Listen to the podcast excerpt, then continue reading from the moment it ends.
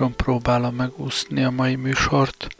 Egyszerűen a, a könyvből, amit éppen olvasok, fogok nektek olvasni két részt. Bejelöltem őket könyvjelzővel, hogy könnyebben megtaláljam. Következik is, is az első. Több részre lesz darabolva, mert egybe túl hosszú lenne. De hát majd szólok, amikor ennek a résznek vége.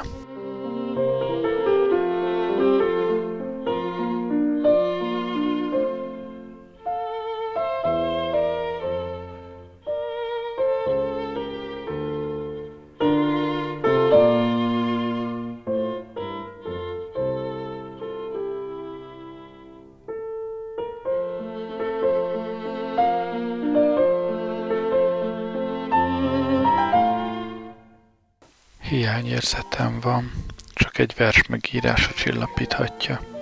Lusta vagyok, de azért már majdnem elhatározott, hogy írok. Nem másnak, magamnak.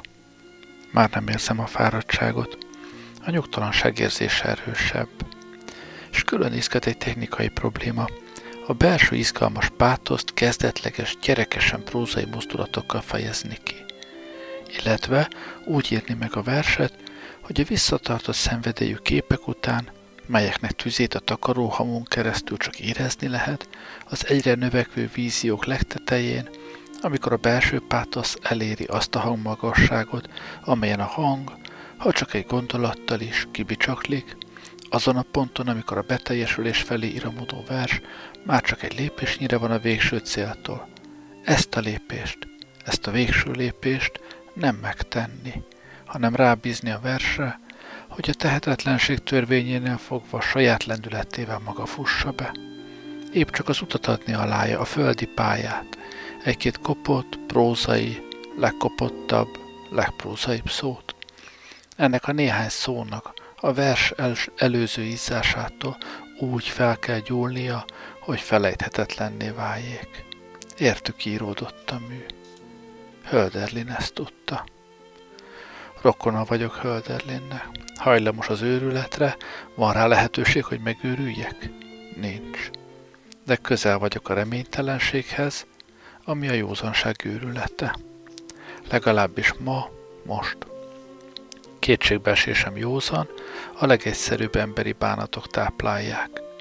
Végső konzekvenciájukat, hogy miért élni, ugyan nem érzem még teljes őszintességgel, de azt, hogy Miért élek én? És innen már csak egy lépés odáig. Ezen a parton az ember még csak saját magát okolja, a túlsó parton a teremtést. Ezen a parton még csak azt érzi, hogy ő nem bírja tovább, oda át gyilkol. Nem bírom tovább, ezt írjam meg. Micsoda szemérmetlenség. Nem bírom tovább.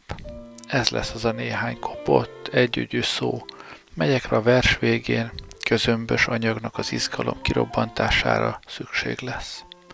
A vers vége, nem bírom tovább.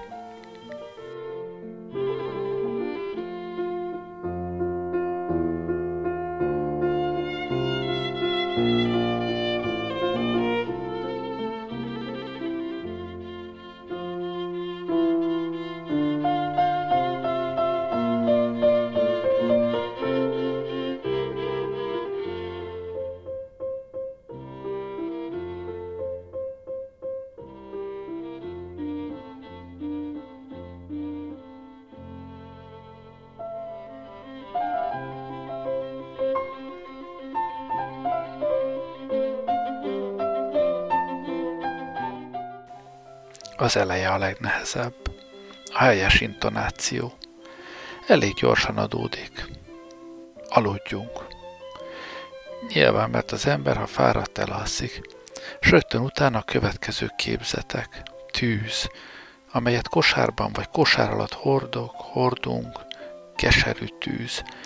Nem mint az élet jelképe, hanem az ébrenlét anyaga, ellentét az elalvásnak. Aludjunk mert az ébrenlét keserű. Aludjunk, nagyon keserű ez a tűz, mely kosarunk alatt, kosarunk alatt, vagy akár kosarunkban, a tűz nincs a helyén kiégetni a fonott kosarat. Füstképzetem támad, Érzem, hogy az elején az aludjunk házias intonációja, intonációja után egy alakilag, vizuálisan tiszta képnek kell következnie. A tűz nem kosár, hanem cserép, cseréptál, piros cseréptál, vagy mázastál alatt lobog. A tálban gyümölcsök hevernek nagy rakásokban, szürke és keserű gyümölcsök a keserű tűz fölött. Aludjunk. Nagyon keserű volt ez a tűz, mely a piros, cseréptál, tál, mázostál, alatt ég, lobog, a cserép alatt, amelyen keserű, szürke, gyümölcsöknek kell heverniük, de ezt megírni most nincs idő. Kényszerítő erővel támad fel egy újabb képzetsor, élesszük a tüzet, ezt a keserű tüzet. Minek? Hogy a keserű gyümölcsökből létfőzzünk, mely keserű, mint a tenger, tengert ebben a vékony cserépedényben. Éleszted, főzöl házi edényedben, melynek partjai oly gyengék és törékenye, házi edény, mert egyrészt már érzem a tűzhely meghitt hangulatát, másrészt partjai, mert a tenger keserűségéhez hasonló gyümölcs föl benne, gyümölcs, mely tengerré válik. Utólag beszúrom, tengert főzöl. Még tovább akarom fejleszteni a gyümölcs témát, az edény partjai oly törékenyek és gyengé, mint maga a gyümölcs héj, mely benne fül. És most egy mozdulat kell a hasonlat túlsó partjáról a tengerről, amelynek témája már párhuzamosan fejlődik a gyümölcsfőzés témájával. Komoly és nagy ívelésű mozdulat, mely előrébb viszi a verset. Vihar! De a vihar, mint mozdulat elvont, érzékeltetni kell, a főzés füstje lecsapódik alatta. Egyre hatalmasabb a vihar, nem bírom tovább, kész a vers, csak a gyümölcsfőzést kell még egy mondatban megírni. Aludjunk. Nagyon keserű volt ez a tűz, mely a piros cseréptál, tál, mázastál alatt ég, lobog, a cserép alatt, melyben szürke, keserű, éleszted? Tengert főző házi edényedben, melynek partjai oly gyengék és törékenyek, mint a gyümölcs héja, nem érzed, látod a vihart, a lecsapódó füst mögött a rohanó vihart, az örök vihart, én nem bírom tovább. Visszatérek a gyümölcsfőzéshez. Keserű a tűz, mely a piros cseréptel alatt lobog. Itt befejezem a mondatot, melynek mint témájára szerkezetileg és ritmusban is egyszerűnek kell lennie. A visszatérő a cserép alatt, melyben egy árnyalattal túl szonor. Most a gyümölcsöket megláttatni színre is keserűen. Tompa fehér fényel patognak a tálban, a kormos sarokban, keserű, szürke, gyümölcseid. Nem jó. Nem jó a keserű tűz sem, nem tiszta kép. Keserű helyett füstös lesz a tűz, visszatért a meggyulladt kosár füstképzete és a cseréptálat a gyümölcsökkel megrakottat az alatta lobogó tűzzel is el kell térbelileg helyezni, mert egyelőre még az űrben lebeg, holott egy biztosan nyugvó, nyugalmas képre van szükségem az elindulásnál. Tűzhelyre gondolok, aztán sarokra, de a sarok nem lehet önmagáért, a tűzért van, kőből épült kulissza a tűz mögött, mesztelen falak, vaksarok, első pillanatra sugalmazó, eddig a legszerencsésebb szófűzés. Aludjunk. Füstös a tűz, mely a piros cseréptel alatt lobog a vaksarokban, gyümölcsei szürkék és keserűek, mint nagyon egyszerű legyen a hasonlat, mint az epe. Tüzet keserű, az őrület tüze, egy körbe hátú gyilkos, őrült, szórta el szürke kezével tűzhelyedre. Rossz. A téba ízét érzem, azt akartam elkeverni, de így nem lehet ilyen egyenesen kimondani, csak a sorok között vihoghat. A keserű és a szürke visszatérő mozzanata talán nem is fontos, hiszen már a tűz sem keserű. Gyümölcseid, milyen gyümölcsök? Hol vannak? A tában. keserűek, mint az epe.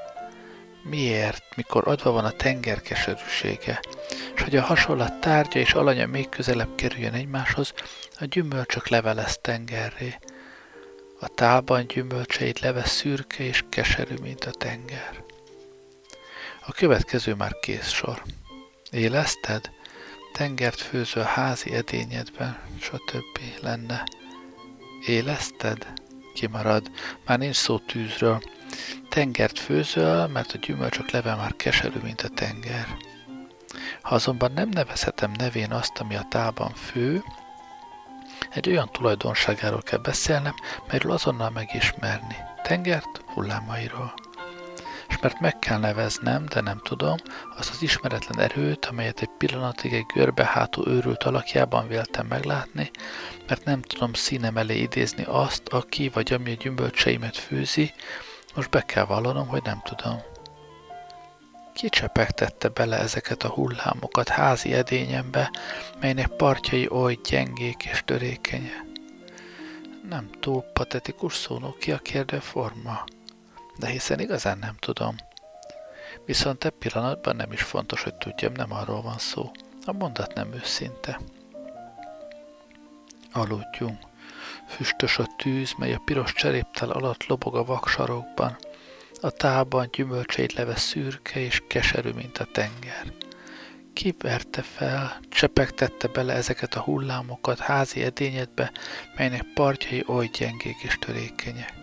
Nem érzed a vihart, a lecsapódó füst fölött a rohanó vihart? Nem bírom tovább.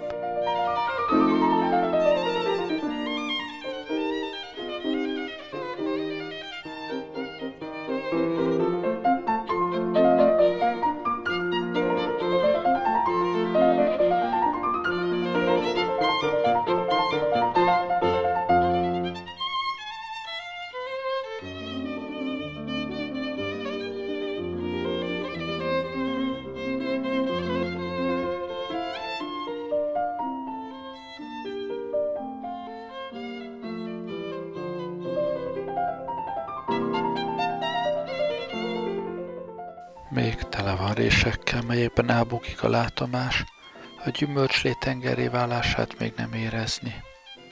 A vihar maga nem elég, mi jellemző még a tengerre, milyen tulajdonsága vagy mozdulata, amely megkönnyíteni a metamorfózist. Hosszas gondolkodás után megtalálom az úkás, kagylózúgás.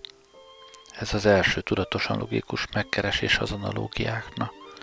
A következő pillanatban már megszületik a mondat és a reménytelenség kagylózógása, meder fenekén az egyhangú kagylózógás, mintha a bűn és a kétségbeesés almája főne.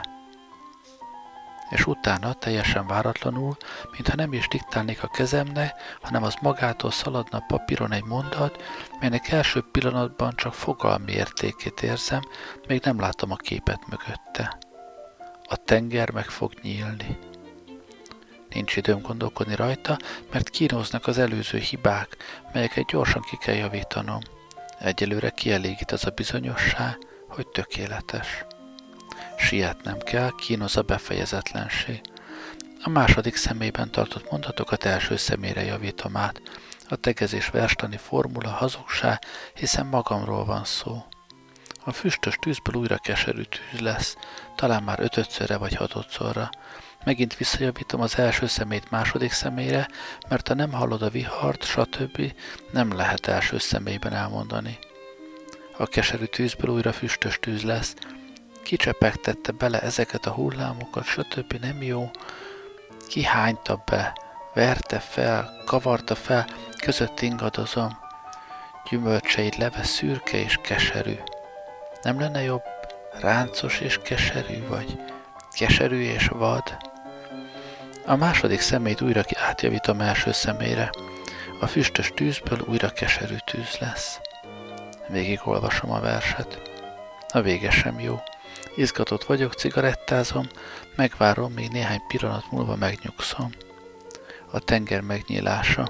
Ez a végső drámai konklúzió nincs eléggé megokolva. Hiányérzetem van. Vizsgálom magamat, micsoda mondani való, micsoda ki nem bontott anyagok vannak még bennem. Felfedezek egy érzést, mely kezdettől fogva élt, de még nem jutott szóhoz. A sötétség érzése. A sötétségé, az elviselhetetlen sötétségé, a föld elviselhetetlen sötétségé. A következő pillanatban egy önkényes behelyettesítésen kapom magam rajta. Cseréptál egyenlő föld. De azért elindulásnak jó lesz, majd át kell dolgozni. Megvakulsz a földi edények elviselhetetlen sötétségétől. Előtte a tenger megnyílik, utána nem bírom tovább. Megint visszatérek a vers elejéhez. Aludjunk. Nem jó, págyat, szónokjas, a felszólító mód irodalomszagú. És miért a többes szám, amikor csak a magam szenvedéséről van szó? Elmegyek. Vagy ha a vers végét tenném az elejére, nem bírom tovább, s végnek elég volt. Újra le kell írnom. Aludjunk, elmegyek, nem bírom tovább. Megfulladok, füstös a tűz, mely a piros cseréptel alatt lobog a vaksarokban. A tában gyümölcseim leve, ráncos, szürke és keserű, és vad, mint a tenger.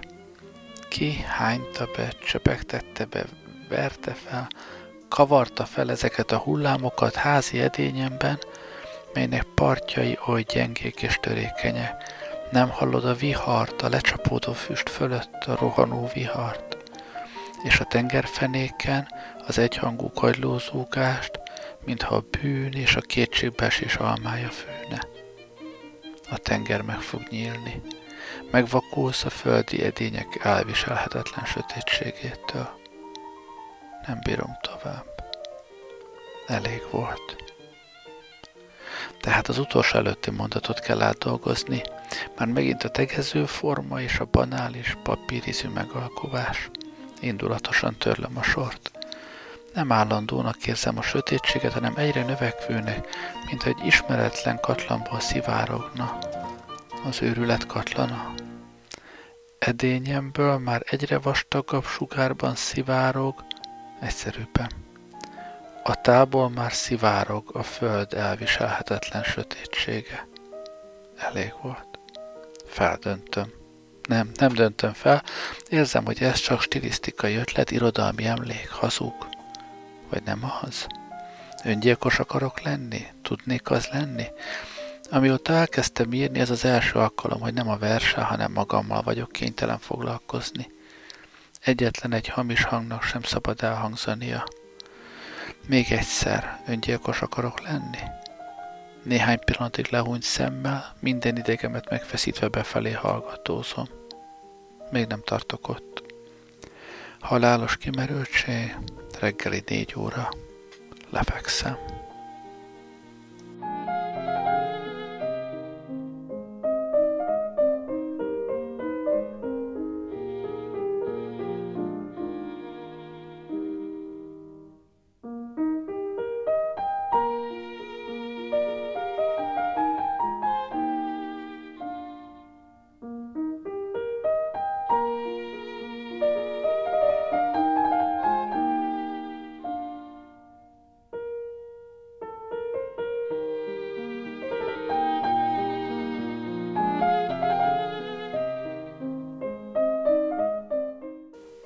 Délelőtt kb. egy óráig tartó bíbelődés, apró stilisztikai javításokkal, ritmus, zenei hatások, interpunkció.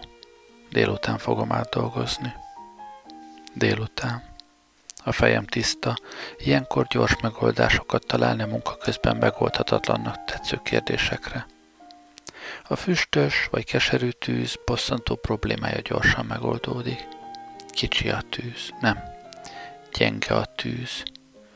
Véglegesen megállapodom a kikavarta feligében, de érzékelhetővé kell tenni a mozdulatot. Kikavarta fel kanalával, vagy főzőkanalával ezeket a hullámokat, és a legnehezebb, kiméletlenül kiirtani valamennyi tegező, s ha lehet kérdező formákat is, mert nem puritánok. Hosszasabb kísérletezés után szerencsés megoldás.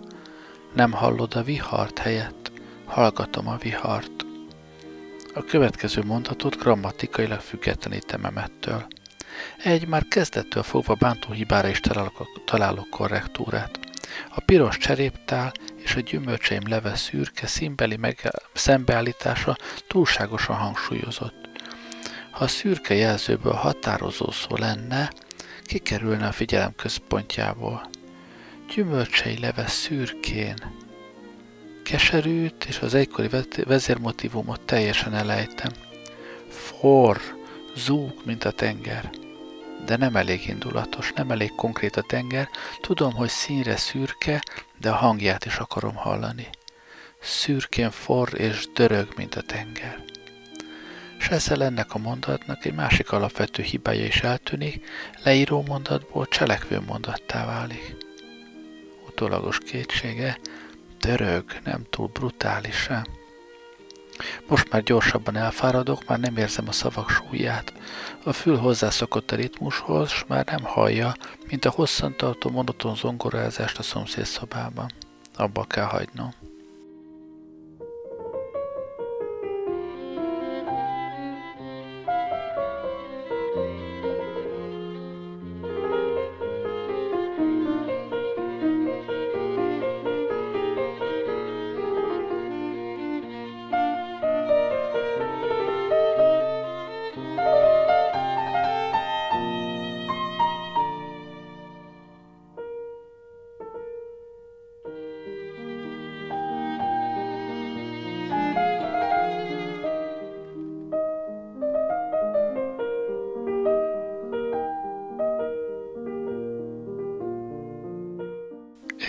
Éjjel. Első elolvasásra, ami legelőször szembe ötlik, a vége rossz. A tából már szivárog a föld elviselhetetlen sötétsége. Elég volt. A sötétség szivárgását nem tudom megakadályozni egy indulatos felkiáltással. Erőtlen és naív, mintha egy gyerek sírással akarná megállítani a lemenő napot, hisz azt akartam megírni, hogy nem bírom tovább az útnak idő előtt vége szakadhat. Nem tudok visszaemlékezni, milyen képzett és a társítás útján jutottam el ehhez a képhez, hosszabb, rövidebb ideig tartott tesok akadályt kellett leküzdenem. Csak halványan rémli, hogy egy járásban elfáradt, botorkáló testről támad képzetem. Még nem jó. Valami hiányzik még az utolsó mondat előtt tából kiszivárgó sötétséget oly elviselhetetlennek érzem, hogy tudom valami szerencsétlenséget fog okozni. Ettől a sötétségtől meg kell tébolyodni. Tehát én meg fogok tébolyodni ettől a sötétségtől. Másrészt az a benyomásom, hogy a képek vezetésben folytonossági hiány támadt. Még egyszer vissza kellene térni a tengerhez. Két mindennél erősebben kifejezésre törő érzéssel bennem, a sötétségé és az őrületé. Tenger, sötétség, őrület. Sirályok cikásznak el szemem előtt. A fekete sötétségtől megtántorodnak a fehér sirályok, a sirályok az őrület madarai. Igen, a sirály egy elmebajos állat. Morgensternnek egy sor jut eszembe, die műven schauen alle aus, als ob die embat A sirályok megtántorodnak. Vajon más is tudja, hogy a sirályok a téboly madarai? A sirályok őrült kiáltással megtántorodna, jobb alámerülnek a sötétségbe. Szemben a sötétséggel érzékeltetni a sirályok fehérségét, érzelmi nyelvemre átfordítva a józan sötétséggel szemben a téboly világosságát. Fel alá cikázó fehér lángó. Tehát a fehér sirályok őrült kiáltása, víjogása alámerülnek. Túl brutális, talán jobb a téboly sirályai. Nem, nem jó ez, csak sorban feljegyzem a téboly szinonimáit, meghibbant, elmebajos, őrült, eszeveszett, ennyi se jó. Közben negyed óránként, fél óránként abba kell hagynom a munkát, annyira érzéketlenni és tompává válok a szavak iránt. 5-10 percet pihenek, közömbös könyvet olvasva, utána megint frissebben érzem a szavak értékét.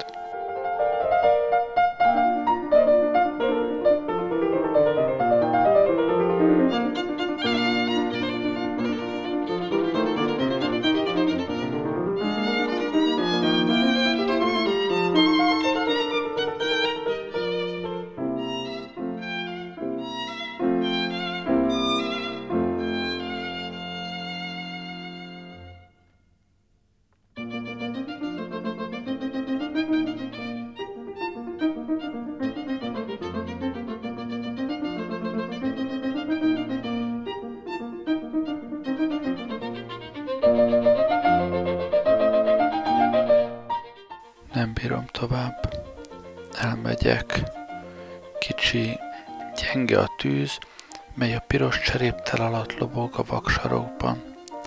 A tában gyümölcsém leve szürkén forr és dörög, mint a tenger. Kikavarta fel kanalával ezeket a hullámokat, tajtékzó habokan. Házi edényemben, melynek partjai oly törékenyek és gyengék. A meder fenekén az egyhangú kagylózúgás, mintha a bűn és kétségbeesés almája főne. A tenger meg fog nyílni. A tából már szivárog a föld elviselhetetlen sötétsége. A téboly sirályai víjogna. Az útnak idő előtt vége szakadhat. Leteszem az olvasmányt, mohón elolvasom a kéziratot. A vége rossz. Sírtelen észreveszem, hogy teljesen hamis úton járok, a jelzőben, a stilisztikai megfogalmazásban kerestem a hibát, holott az a lényegben, a mondani valóban van. Nem igaz az, hogy közel állok az őrülethez. Igaz csak annyi, hogy olyan szerencsétlennek érzem magam, hogy szeretnék megőrülni, megszabadulni a felelősségtől.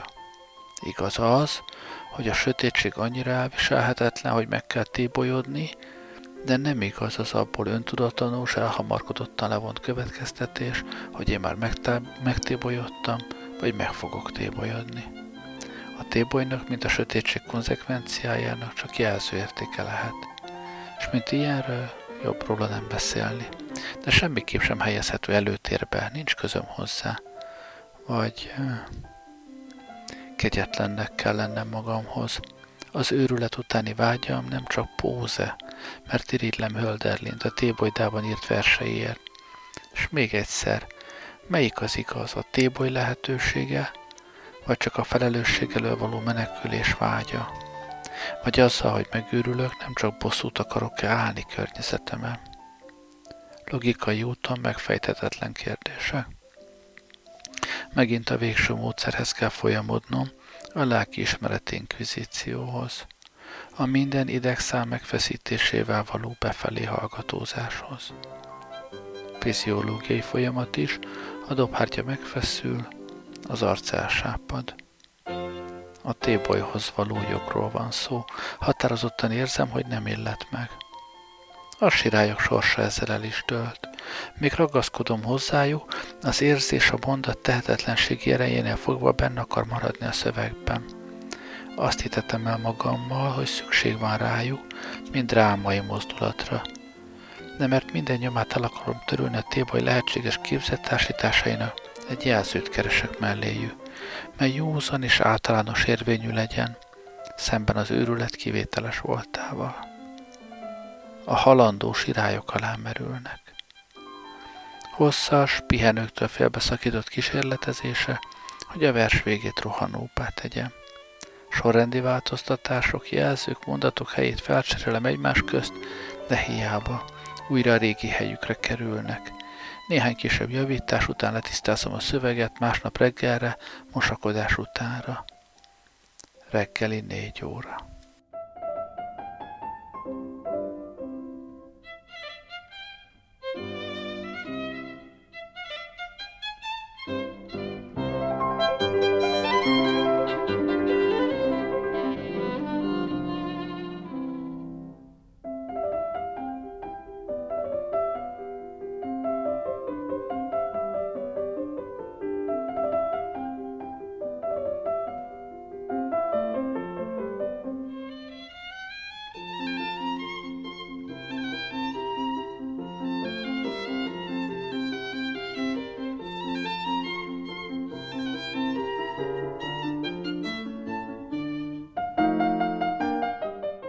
Reggel. Elmegyek, gyenge a tűz. Hogyan? Azért megyek el, mert gyenge a tűz? Rossz. Egy szelidebb bánatú mozdulat kezdetnek, mert az elmegye abrupt szenvedélye ugyan lehet jogosult, de csak a vers ismerete után. Kezdetben nincs a helyén. Eltakarom arcomat. És már újra kísért az őrület, a tából már szivárog az őrület sötét leve. Véget kell vetnem ennek a kísértett járásnak, és mert észreveszem, hogy a sirályok miatt nem tudok tőlük megszabadulni, végérvényesen törlöm a sirálysort. A vers végének lendületbeli fogyatékosságai is egyszeribe eltűnnek ezzel. Azt hiszem elkészültem.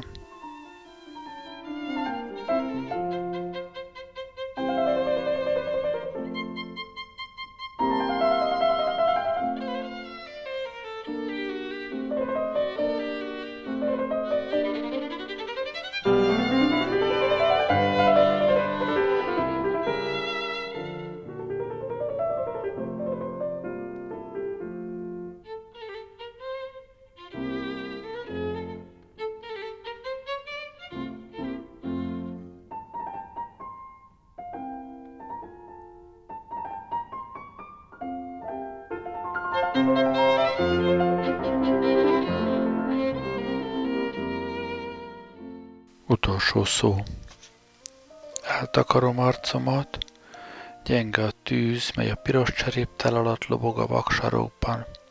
A tában gyümölcseim leveszürkén for és dörög, mint a tenger. Kikavarta fel kanalával ezeket a dühöngő hullámokat házi edényemben, melynek partjai oly törékenyek és gyengék.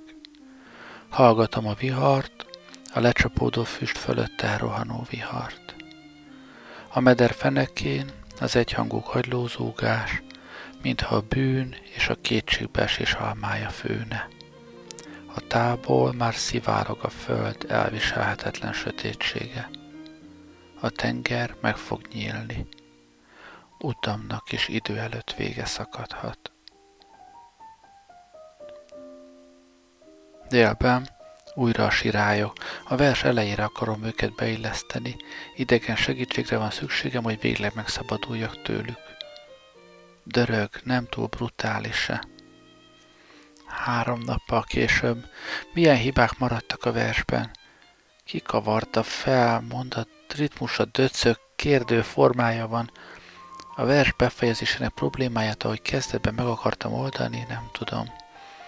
Nem tudok ezeken a hibákon segíteni. Így olvasható a nyugat valamelyik régi számában, amelynek kitépett oldalairól néhány stilisztikai javítással ide másoltam. Ifjúkori nyugtalanságom ábrázolása véget, nem a középszerű vers kedvéért.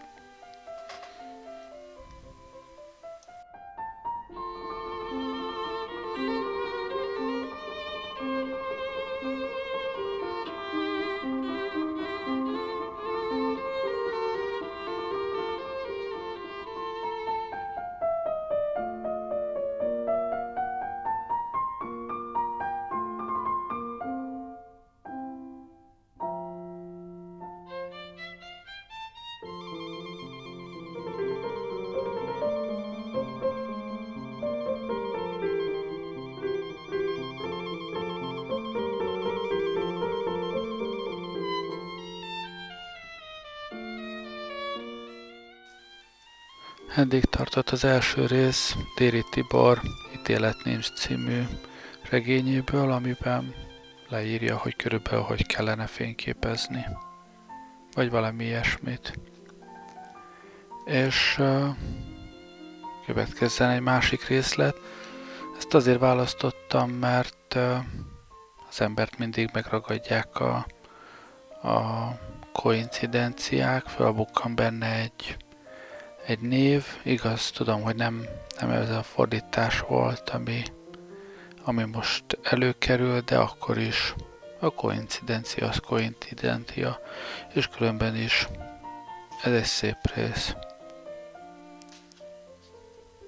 Majd meglátjátok, hogy miért választottam.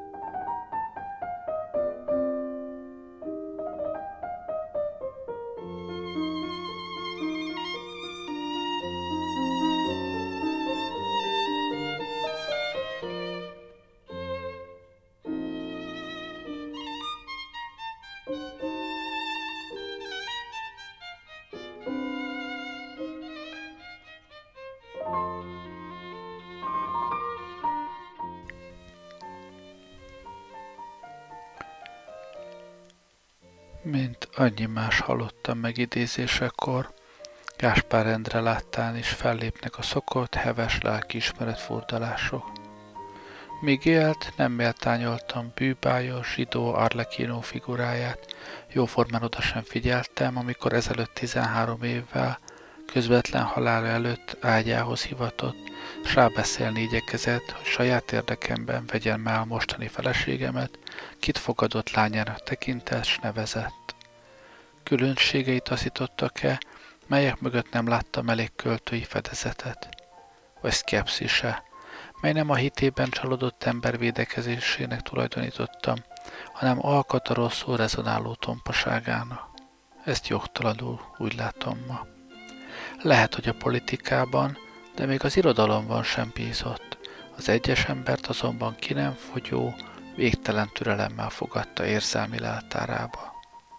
Kérő, kérelmező úgy nem tehette be hozzá a lábát, hogy vagy pénzzel bőkezően, vagy személyalatba vetésével ne igyekezett volna rajta segíteni. Tucatnyi ember segélyezett rendszeresen, havonta 50, 100, 200 forinttal. Szükség esetén 1000-2000 forintot és habozás nélkül nyújtott át a kérelmezőnek. Nagy keresetének jó része erre a legfőúribb kettelésre ment el, de szekrényében mindössze három-négy ing, katya találtatott, ha kerestetett. Házat tele volt a mindenkori rendszerek kivetetjeivel. A Rákosi féle kitelepítések idején a száműzöttek családtagjai szinte egymást felváltva laktak, éltek nála nem nagy lakásában. Özvegyek, árvák ugyancsak szép számban, amikor befértek a lakásba. Bár úgy szólván semmi politikai befolyása nem volt, még távoli ismerősei is első lépésükkel feléje indulta, ha veszély fenyegette őket. Amikor József Attila húga etós kitelepítésre rendeltetett, elsőnek Gáspár Endrét riasztotta, aki még azon hajnalon felverte álmából a segítségre erőseket, és addig telefonált, futott, s futtatta körben feleségét, míg a kitelepítési rendelkezést vissza nem vonták. Könnyű készel adott, s gyorsan. Ugyanolyan gyorsan, mint ahogy kereste a pénzt, szédületes iramú munkával, s nagy teherbírással. Lope de Vega, a Kertész kutyája című darabja, Gáspár Endre fordításában mindig telt házak előtt, talán 150-szer vagy 200-szor került színre. A verses dráma egész első felvonásának fordítása autóbuszban készült Budapest és Kajatetők között. A fordítót nyilván a szerző szorgalma lelkesítette, ki életének 73 éve alatt, ennyit értem meg én is idáig, több mint 2000, nagyobb részt verses drámát kölykezett. Mennyi maradt meg belőle? Mindegy. Ha csak tizet ír, talán annyi sem, mint a 2000-ből. Gáspár rendre tárcája nem az érdemet nézte, hanem az ínséget. Önmagán is mulatva rejtett mosolyjal adott annak is, kit egyébként megvetett, ha az segítségért fordult hozzá. XY költőnek meghalt. Havi 50 forintot szavazott meg. Az egyébként nem tehetségtelen poéta arról volt nevezetes, hogy a félvárost rendszeresen körbekordulta, s egy forintot, de alkalomattán készpénz helyett egy rossz cipőt vagy egy foltozó szoklit is vitt haza, drága, antik bútorokkal berendezett lakásába. Egy alkalommal akkor állított be Gáspár Endréhez, amikor az egy még aznap leszállítandó kéziratán dolgozott. A költő helyet foglalt az íróasztal mellett, a rituális hosszú panasszóra nyitva ajkát. Egy perc, fiacskám, mondta Gáspár Endre, annál a jóval idősebb költőne. Mennyi jár neked? 50 forint. Adok század fiacskám, ha azonnal elmész. A költő boldogan el. Hát nem megérte? kérdezte Gáspár Endre elégedetten, és nyomban kézirata fölé hajolva.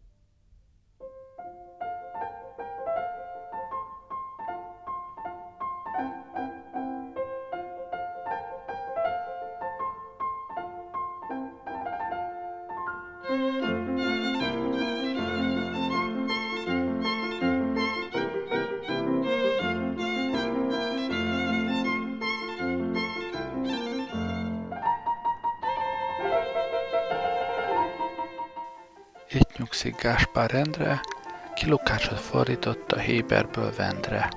Szólt az akkoriban írók közt ívó sírfelirat játéknak róla szóló strófája, ha jól emlékszem, német Andor tollából.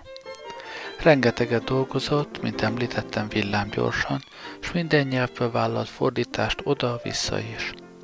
De hogy lelke mélyen mit tartott munkájáról, mit az irodalomról, amelyért néha, főképp fiatal korán a Bécsi korszakában még lelkesedni is tudott, de amelyből meg is kellett élnie, azt talán maga előtt is elhallgatta.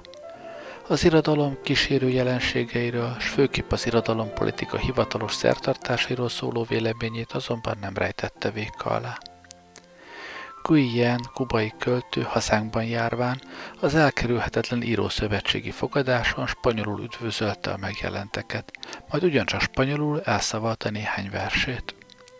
Tolmácsa természetesen Gáspár Endre volt, akinek fordításában az egyébként érdemes költőnek magyarul is megjelent egy kötete. Keskenyen, soványan, homorú melkasával, domború hátával, jelentős orrán a drótkeretes pápaszemmel a tolmács felállt a pódiumra, a daliás, tüzes szemű és mozgású hazafi mellé. És mindenek előtt megnyalta keskeny száját, majd mint aki lapozni készül emlékezetében, jobb kezének hüvelyk mutató és középső ujját. Hát azt mondja ez a derékávtás, közölte a pódiumról tiszta debreceni kiejtéssel, de énekelve, hogy nagy megtiszteltetés számára, stb. stb., és hogy forrón üdvözli a magyar írókat, stb. stb., már amit ilyenkor mondani szokás, tudjátok. Eljött ez az aranyos fiú a messzi Kubából, tudjátok milyen messze van? Új nyalás? Hát nem kedves tőle egészen olyan, mint a mi Petőfink. Hát csak nézzetek rá, ez a kubai Petőfi, talpra kubai híja haza. Körülbelül ezt mondja, kapásból fordítom, hát nem aranyos. Egész jó verseket ír, nekem elhihetitek. Le is fordítottam egy kötetét, de fiú, szeretem. No, reméljük, hogy jól érzi magát köztünk, meg is mondom neki. Különös kép senki sem jelentette fel iróniájának ezekért a pofonynyírtságú mutatványaiért, mert bár neki is voltak ellenségei, mint mindenkinek, de a karikatúra testbe zárt furfangos bátorsága talán még a szigorú spicliket is megmosolyogtatta. Igaz, fal mellett volt bátor, de azokban az években, amelyekben valamennyien vagy hazudtunk, vagy hallgattunk, az ember egy fintorral is kitörhette a nyakát.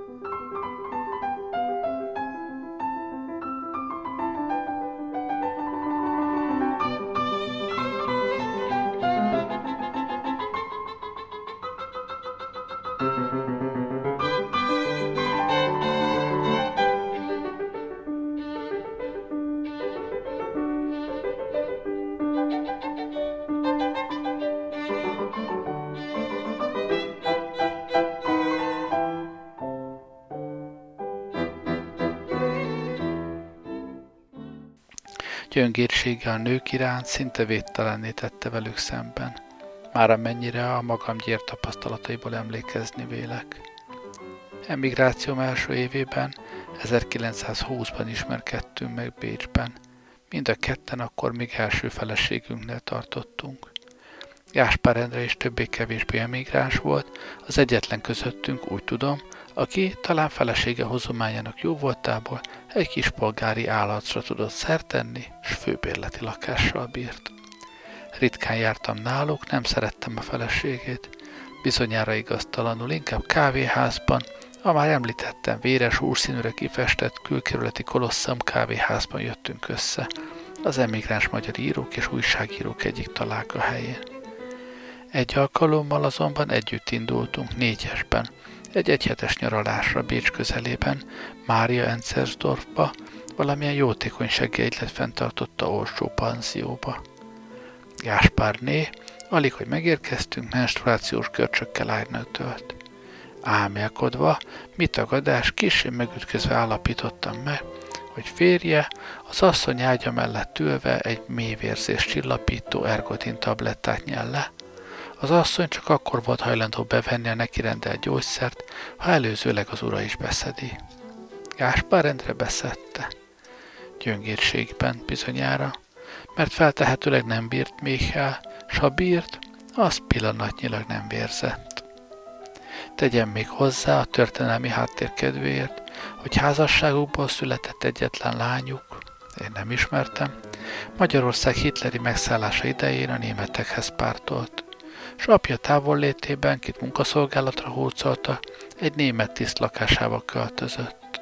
A hírre anyja a sárga csillagos házban öngyilkos lett.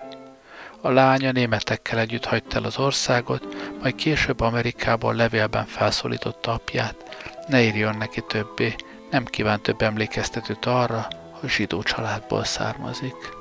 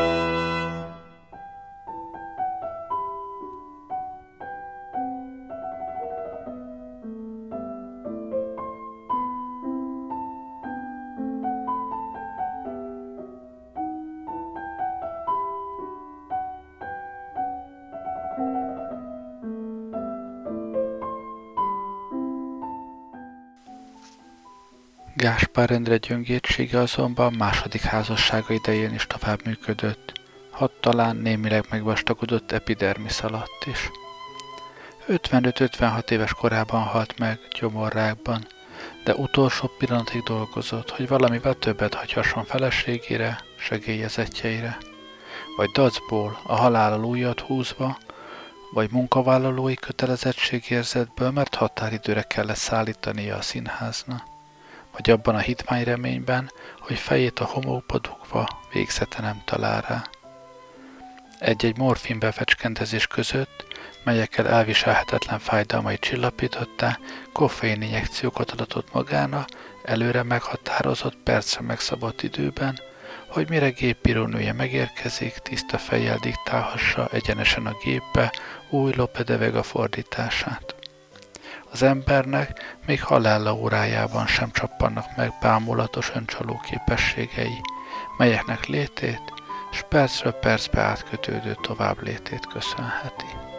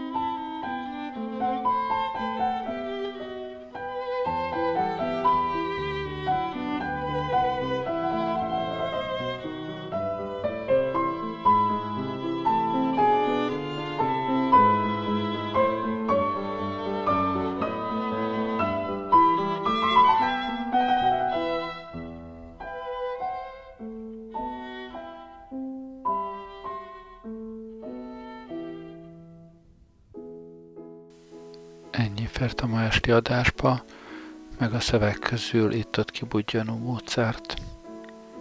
Köszönöm, hogy velem voltatok ma este, jó éjszakát kívánok. Gerlei rádiózott.